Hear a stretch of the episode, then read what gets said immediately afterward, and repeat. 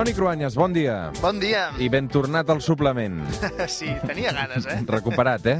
Sí, però eh, realment he arrossegat un refredat un parell de setmanes bones, uns quants telenotícies sense, sense fer-los i dos diumenges sense vosaltres. Però ja està, ja estic bé, estic bé. Però és que, a més a més, a banda de la feinada que t'ha tocat fer aquesta setmana, eh, malgrat aquest impediment petit de la veu, eh, amb el Glòria i amb aquests pics d'audiència al TN, eh, clar, se t'ha juntat tot perquè has publicat llibre, un dels nostres, Cruanyes. Sí, estic molt content. És, un, és una mena d'assaig i una barreja de històries meves que tenia ganes d'explicar, un, històries de darrere del telenotícies i de la, meva, de la nostra feina, no? del periodisme en la Catalunya actual, que tenia ganes de fer-ho i em fa molta il·lusió que ja sigui les llibreries, sí.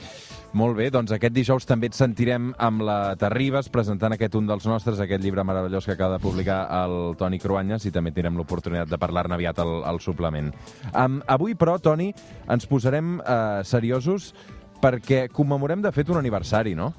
Sí, tenim un aniversari molt especial, que tenim l'obligació moral de parlar-ne, tenim l'obligació de recordar-ho perquè no podem perdre la consciència del que som capaços de fer les persones, els humans, eh? No perdre consciència, per no repetir-ho mai més. 75 anys de l'alliberament del camp de concentració d'Auschwitz. Sí, i hem d'advertir que el que explicarem avui és molt dur, és molt desagradable, inhumà, però precisament per això ho hem de recordar.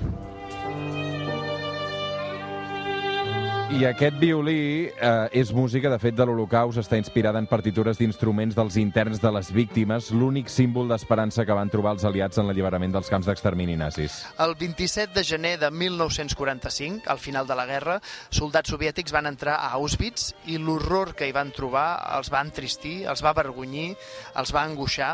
Diuen que van veure l'infern, i és que si mai a la Terra hi ha hagut una cosa semblant a l'infern, devia ser això. A Auschwitz els nazis van matar sistemàticament durant 4 anys almenys, atenció a la xifra, eh? 1.100.000 persones, el 90% eren jueus. La manera de matar-los era a través de cambres de gas, de deixar-los morir de gana, fer-los morir fins a l'extenuació o fins i tot els van matar amb experiments mèdics. La majoria van morir a Auschwitz II, conegut com a Auschwitz-Birkenau. En total, l'Holocaust va acabar matant 6 milions de persones, de jueus, perquè l'objectiu nazi era acabar amb la població jueva de tota Europa.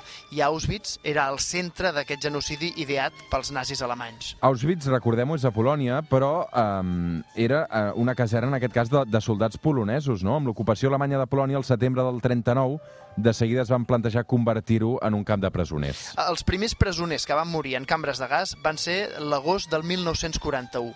Eren presoners soviètics i polonesos. Amb el temps, els nazis van anar sofisticant la manera de matar-los, fins al punt de construir el segon camp amb les cambres de gas cada vegada més grans, els crematoris, on feien desaparèixer després els cossos. Companyies privades alemanyes, conegudes encara com IG Farben, Krupp o Siemens, tenien fàbriques en aquella zona. Es feien servir els presoners com una forma d'esclaus, d'esclavisme, amb treballs forçats a favor de la indústria privada alemanya. Perquè l'Holocaust va ser un crim organitzat, planificat i, com a mínim, tolerat també per bona part de la societat, d'aquella societat alemanya, no? Totalment. Quan els nazis van arribar al poder, l'any 1933, van començar a treure els drets dels jueus, les seves propietats també. A partir del 1939 van començar a deportar jueus d'Alemanya i Àustria fins a Polònia, on es van crear primer els guetos per separar-los de la resta de població i a partir del 1941 ja es van sistematitzar els camps de concentració. Parlaven de guerra racial contra els jueus o contra els gitanos o els dissidents comunistes. I aquesta segur que l'heu reconegut, és la banda sonora de la pel·lícula La llista de Schindler, una de les millors que s'han fet eh, relatant eh, la crueltat dels camps de concentració, Toni. Sí, en aquesta pel·lícula es veu clarament la crueltat i l'enginyeria com es van posar al servei de l'objectiu de matar en massa. Com es veu a la pel·lícula, matar els jueus amb armes era estressant pels mateixos alemanys, així que van idear una manera més eficient d'eliminar-los. La massacre va ser coordinada, en van dir la solució final de la qüestió jueva. Com funcionava Auschwitz? Eh, què en sabem? S'hi feia arribar els jueus de guetos amb trens de ramaderies, sense finestres, sense seients, venien de tot arreu. Allà llavors els dividien entre els que podien treballar i els que matarien immediatament. A aquests segons els despullaven, els enviaven a unes dutxes, que en realitat era un eufemisme per dir que els enviaven a les cambres de gas. El funcionament era molt senzill, en cambres segellades perquè no hi pogués sortir res i feien cremar uns pèl·lets amb gas Zyklon B i en 20 minuts la gent moria. Les parets eren molt gruixudes, així que des de fora no es podien ni sentir els crits. Realment la cruesa és molt fort. Encara és macabre, fins i tot, penseu, el fet que altres jueus eren obligats a recollir els cossos dels morts, a treure'ls les dents d'or, el cabell, les ulleres, tot el que creien que podia ser aprofitat. Els cossos després eren traslladats als cremadors i després les cendres es feien servir com a fertilitzants, com a adob. El camp era un glob de nit, lluny de tot i entre i aquesta és la Marina Rossell amb aquest uh, homenatge que va fer a Ravensbrück, un altre dels camps de concentració. Què es van trobar els soldats soviètics que van alliberar Auschwitz, Toni? Clar, és que realment quan van arribar alguns dels presos els havien enviat a altres llocs. Ravensbrück és un exemple, però és que només uns milers de supervivents amb centenars de milers de peces de roba, de diverses tones de cabell humà, tot això és el que es van trobar a Auschwitz. Les SS nazis havien volgut fer desaparèixer els registres per minimitzar el nombre de víctimes quan ja sabien que estaven perdent la guerra. Per això van dispersar els supervivents també en altres camps de concentració.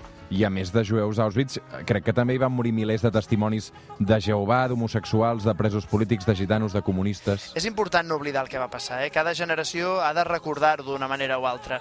Escriure nous llibres, fer pel·lícules, explicar-ho a classe, a les escoles.